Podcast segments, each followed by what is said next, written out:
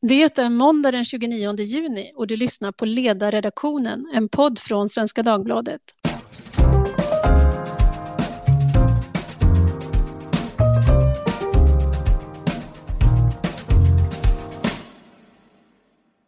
Jag heter Tove Livendal och vill först av allt berätta att just nu kan du få SvD Digital i två månader utan kostnad och du ska gå in på svd.se kampanj för att ta del av det erbjudandet.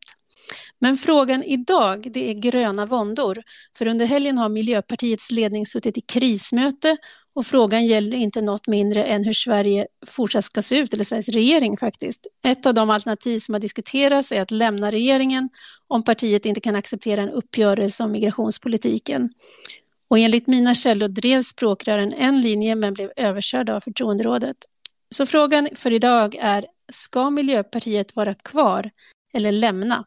Och med mig för att spekulera om detta är Mattias Svensson, liberal skribent och författare som under sommaren vikarierar på Dagens Nyheters ledarsida. Välkommen! Tack så mycket! Här är också Maria Ranka som från och med idag är sommarvikarie på ledarredaktionen och till vardags arbetar med egna investeringar och också är kolumnist här på ledarsidan. Välkommen Maria! Tack så mycket! Ni har ju båda två i närtid skrivit texter om just Miljöpartiet som vi ska tala lite närmare om senare. Med är också Stig-Björn Ljunggren, politisk chefredaktör för Sydöstran. Och du skrev i en artikel i maj som hade den fantastiska rubriken om skunkkallor, svin och gin. Och jag citerar. Ibland blir det för mycket och bägaren rinner över. Det händer i de bästa av familjer. Men det behöver inte vara en stor händelse, det kan lika gärna vara många små irritationsmoment som till slut gör att topplocket smäller av. Slutcitat. Nu handlade ju inte den texten om MP, men kanske är det ändå så att det gröna topplocket är på gång att ryka. Välkommen Stigbjörn! Tack så mycket för den introduktionen. Det är nyttigt ibland att påminnas om vad man har skrivit. Eh, Ja, det, om det finns gröna topplock vet jag inte, men, men eh, jag förstår metaforen. Ja. Den första frågan jag vill ställa till min panel idag är, bör Miljöpartiet lämna regeringen? Ja eller nej? Maria? Frågar du mig så tycker jag att de bör göra det. Jag tycker det var väldigt märkligt att eh, faktiskt både Socialdemokraterna, men inte minst då stöd eller samarbetspartierna Centern och Liberalerna accepterade att ett litet stödparti kom in i regeringen och de själva satte sig utanför. Det borde ha varit alla eller ingen. Vad säger Stigbjörn? Nej, jag tycker nog att de bör sitta kvar. Mattias? Eh, det beror ju på ur, ur deras eh, synvinkel. Jag, jag, tror ju inte att eh, de har större möjligheter att driva igenom sin politik eh, genom att eh, lämna regeringen. Men eh, det är klart att, eh, att det finns ju en smärtgräns som, som många av oss trodde hade gått för länge sedan. Det är ju väldigt många frågor som Miljöpartiet drivit men eh, som inte eh, syns till sen eh, de gick in i regeringen. En del av oss minns ju med visst välbehag ett parti som försvarade integritet och var emot att en hel generation skulle jagas av upphovsrättslagar, men det har man glatt administrerat som eh, kulturansvariga och eh, i januariuppgörelsen ingår att fler ska eh, tvångsrekryteras till värnplikt. Det var också Miljöpartiet emot, men väldigt tyst. Eh, och eh, blir det på migrationsfrågan nu så, så är det ju liksom alltid någonting. Men, men eh, ja, frå, frågan är om eh, det kan ju förstås vara bägaren som, eh, som rinner över, men det är svårt att ta det beslutet åt dem. Mm. Det är ju flera frågor, med, precis som du säger, man går tillbaka, ni minns den här kolbiten till exempel som ju slutades tas med på debatter efter ett tag.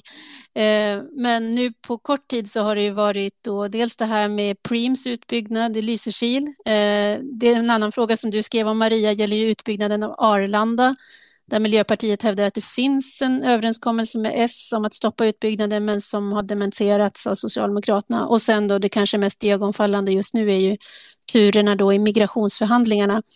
Vad skulle ni säga, har priset för regering varit för högt för Miljöpartiet? Om man ska hjälpa dem nu att göra någon slags bokslutsinventering här, vad ligger liksom på plus respektive minuskontot? Jag vet inte om jag har lust att hjälpa dem, men däremot så jag tycker man kan komplettera Mattias bild eh, av att de har så att säga fått ge efter på väldigt viktiga frågor. För det är klart att det finns ett antal sådana frågor. Men om man å andra sidan ser på vad de har lyckats driva igenom på till exempel infrastruktur, flygområdet, delar av energi och miljöpolitik, så ska jag säga att de har fått extrem utväxling eh, i förhållande till det lilla väljarstöd som de har. Vad säger ni andra? Nej men alltså när det gäller Miljöpartiet så är det lätt att göra en lista på en del eh, saker som de har, eh, inte har fått i land och som där de har fått göra eftergift. Eller till och med blivit överkörda. Eh, men det är mycket lättare att göra en väldigt lång lista på sånt som de har lyckats med. Och som eh, kan tyckas vara lite ynkligt. Va? Eh, det är någon miljon hit och dit och sådär men, men i den politiska pappslöjden har det krävts stora insatser. Eh, och så är det för alla partier, va? Att, att eh, det som måste ske då är att man säljer in det man har gjort också. Det är väl inte Miljöpartiet så bra på kanske. Om vi funderar lite grann då på vilka konsekvenser det skulle få om Miljöpartiet lämnar, eh, då kan man ju titta på olika delar. Politik-Twitter då, all kunskapsrika källa har idag på initiativ av min företrädare P. Anders Linder rätt ut frågan om det är obligatoriskt med en ny statsministeromröstning i Sveriges riksdag ifall ett parti i en koalitionsregering kliver av. Och där är väl egentligen svaret nej, för att även om det står då att det finns en praxis som, som säger att en ny regeringsbildningsprocess ska genomföras om en viktigare förändring inträffar i fråga om regeringens sammansättning eller underlag, exempelvis om ett parti lämnar en koalitionsregering. Och då blandade sig Carl Bildt in i diskussionen på Twitter och sa att detta etablerades först vid regeringsbildningen 76 och fick konkret tillämpning när M och FP lämnade regeringen Fälldin 78 och denna därmed fick avgå. Men sen så sägs då av Sten Storgärd att det finns inget i regeringsförklaringens ordalydelse som hindrar statsminister från att sitta kvar och hindra en ny regeringsbildningsprocess ifall ett, en misstroendeförklaring då inte vinner majoritet. Det vore ett brutalt brott mot praxis visserligen, men sådant har nuvarande regering begått förr. Så att vad händer då om vi säger att MP lämnar och blir det då en minoritetsregering och vad skulle det innebära?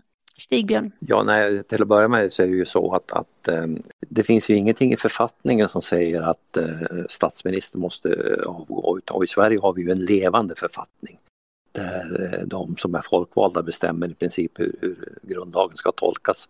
Så det finns inget, eh, inget skäl för statsministern att avgå bara för att ett parti hoppar av om han inte vill. Utan då får ju oppositionen som de brukar göra avsätta honom och så får han bilda ny regering. Det är ju så det brukar vara när, när det inte finns någon vuxen i rummet. Mm. Så att eh, Löfven kan gott sitta kvar. Det, det blir många, en del poster över då så kan han ju fundera på om det är något annat parti som vill hoppa in.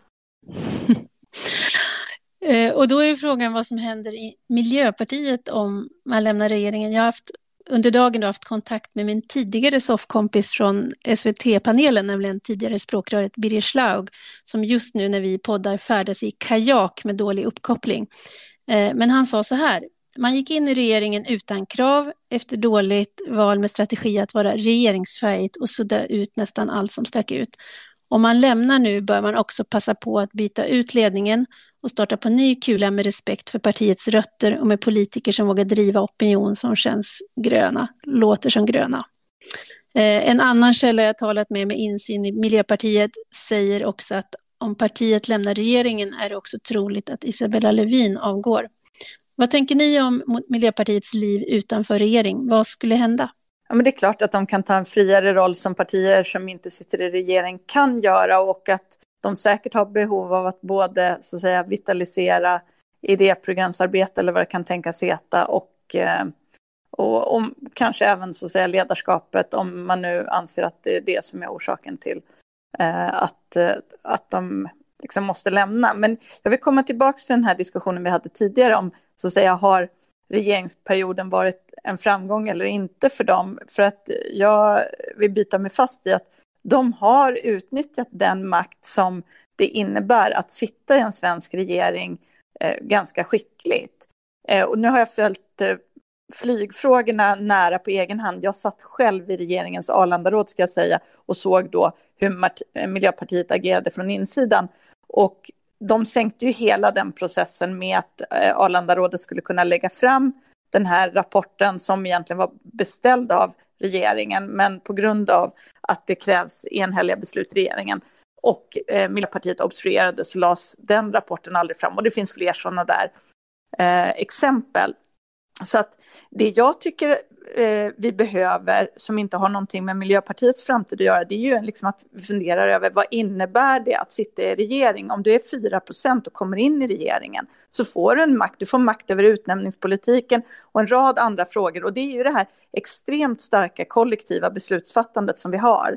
Eh, i, i den svenska regeringen som kan ge ett litet parti oproportionerlig makt. Mattias, du är väl den av oss som kanske haft det största svärmeriet för Miljöpartiet och eh, om du fick önska nu då, om det blir så att de lämnar regeringen, vad, vad skulle du önska att de tog för väg? Ja, jag skulle gärna se eh, mer av blågröna samarbeten som har skett i, eh, i regioner och kommuner på, på ett antal områden, inte minst kring storstäder.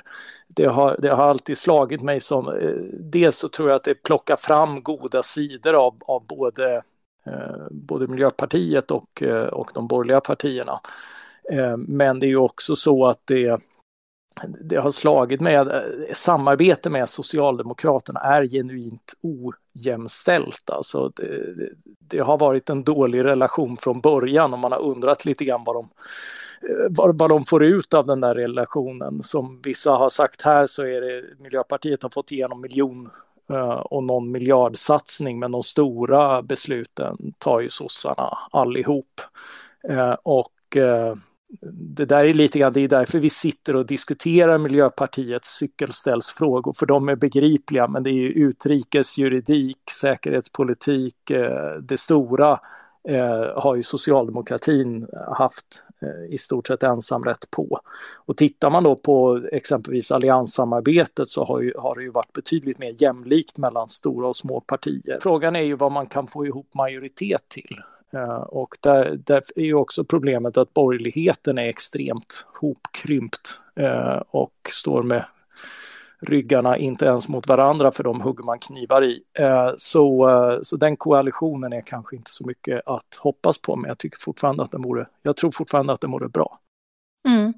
Maria, i din kolumn om Miljöpartiet eh, häromveckan, då ifrågasatte du ju att ett så litet parti som Miljöpartiet skulle ha så mycket inflytande, men du förstår ju ändå, så här, det är självklart att de tar så mycket inflytande de kan få, men du uttryckte större förundran inför de andra stödhjulen, nämligen Centerpartiet och Liberalerna. Kan du berätta hur du tänkte? Jo, men jag tycker att det, det är märkligt just om man då vet hur eh, hur Sverige styrs och vilken enorm makt faktiskt som regeringen har över också alla de frågor som inte är lagstiftning, det vill säga där du inte behöver gå till riksdagen och rösta eh, utan där regeringen faktiskt har en hel del handlingsfrihet. Eh, och att Centern och Liberalerna då är beredda att ett litet parti kommer in och sitter i regeringen men att de själva är utanför. Eh, det tycker jag var märkligt och de borde ju såklart ha krävt att antingen så sitter inget stödparti där eller så sitter alla stödpartier i regeringen. Eh, jag tycker också att det är märkligt att Socialdemokraterna nu i då den här nya konstellationen som blev efter, eller nya stödkonstellationen som blev efter valet, eh, accepterade den, den ordningen också. För att, eh, jag menar när man har pratat med socialdemokrater med insyn och i regeringen så har det ju inte, intrycket är ju inte att det har varit ett lätt samarbete. Stigbjörn har säkert mer insyn i detta. Ja, för nu vill vi, vi vill veta hur, hur tänker Socialdemokraterna? De, för de som lyssnar noga har ju hört att de allt oftare nu säger att man ska förankra frågor med Centern, Liberalerna och, miljö, och Miljöpartiet. Och det är en ganska tydlig signal om att man betraktar det som ett stödhjul och inte en jämlik regerings report och jag såg MP-veteranen Per Gahrton, han kallar den nuvarande situationen att, att sossarna försöker förolämpa MT till döds. Stigbjörn, förklara vad det är som händer. Nej, det, som har, det som har hänt är att Socialdemokraterna ända sedan Mona Sahlins tid eh, har önskat bygga en mittenkoalition i svensk politik.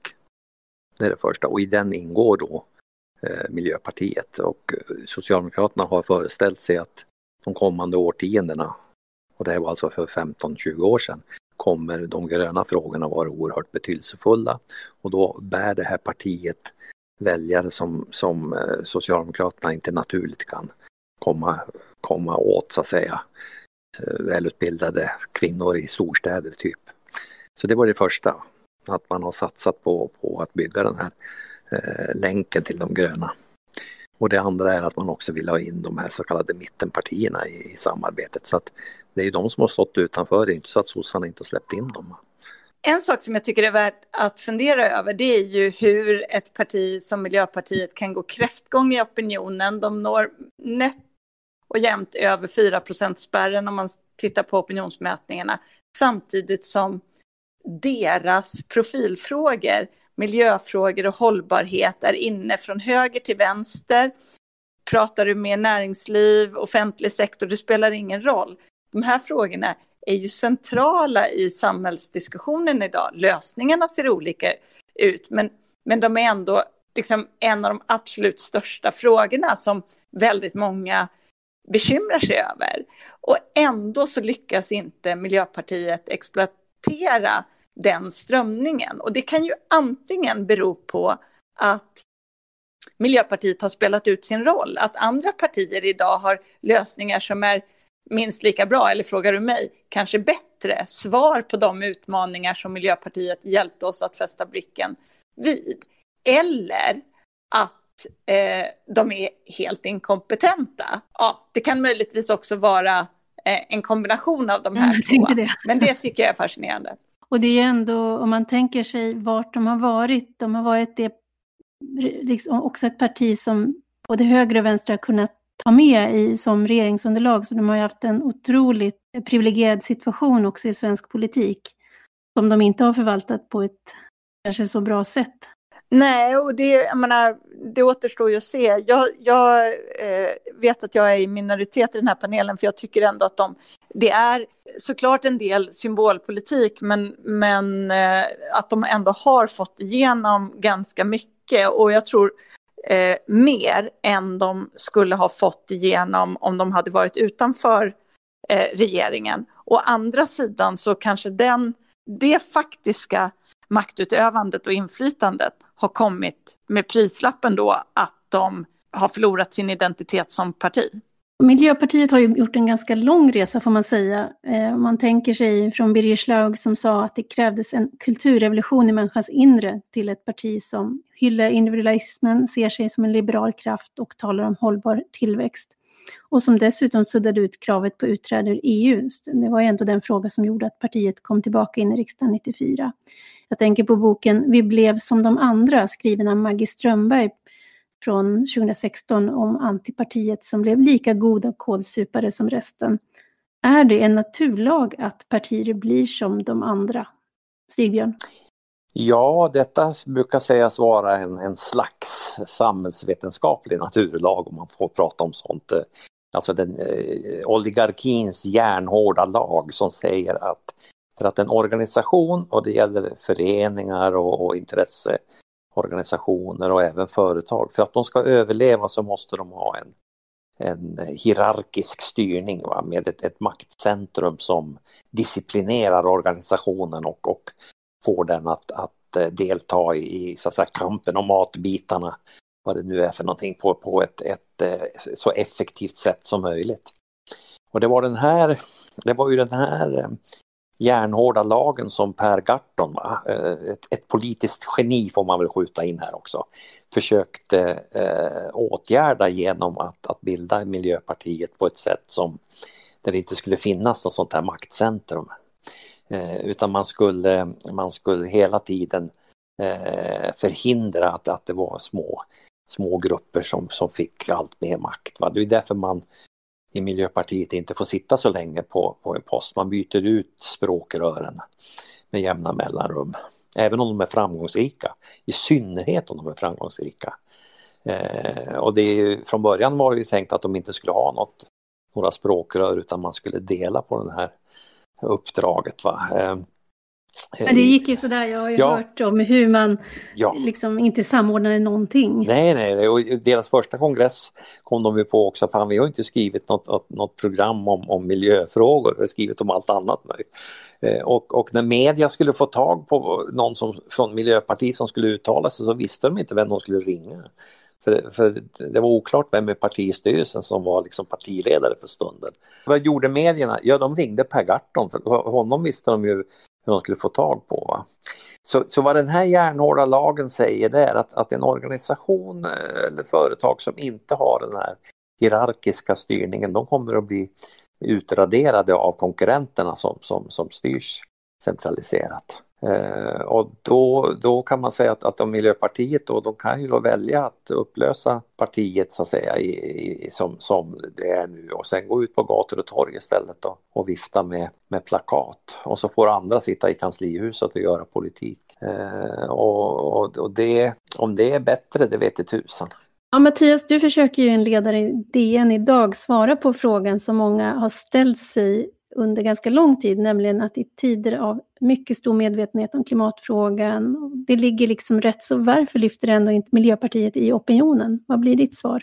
Eh, därför att de var inne förut. De eh, surfade länge på den politiska våg som var det heta tidigare med en stor eh, teknokratisk tilltro till vad staten kan göra och vad expertis och människor med riktigt gott hjärta kan åstadkomma via politiken. Eh, och det krockade hårt med både verkligheten och, och populistiska motreaktioner och annat eh, redan för ett par år sedan. Eh, och därför så förmår man inte ta, man har intagit eh, institutionerna, man sitter i regering, men man förmår inte riktigt fånga de här folkliga vibbarna kring klimatfrågan som mobiliseras kring exempelvis Greta Thunberg. Och är det för att det inte går att vara både och, det vill säga du kan inte både vara aktivist och regeringsrepresentant? Miljöpartiet försöker ju vara både och eh, och har ju liksom båda extremer stundtals i, sam, eh, i samma person som Gustav Fridolin till exempel som både står på nätterna och, och stryker, eh, stryker kläder i, i flyktinghjälpsnätverk och är minister på samma gång. Men, men det blir ju en diskrepans och, och man blev väldigt, väldigt bekväm och populär i den teknokratiska rollen, inte minst som regeringsparti. Och då är det svårt att, att sadla om med, med trovärdighet. Vi får se vad det blir med Miljöpartiet och vilken väg de väljer att ta, om de blir kvar i regering eller inte. Stort tack till Stigbjörn Ljunggren, Mattias Svensson och Maria Ranka för era inspel idag i dessa gröna våndor. Tack också till er som har lyssnat. Har ni frågor eller synpunkter kan ni höra av er till ledarsidan svd.se. Och med det säger vi tack för idag.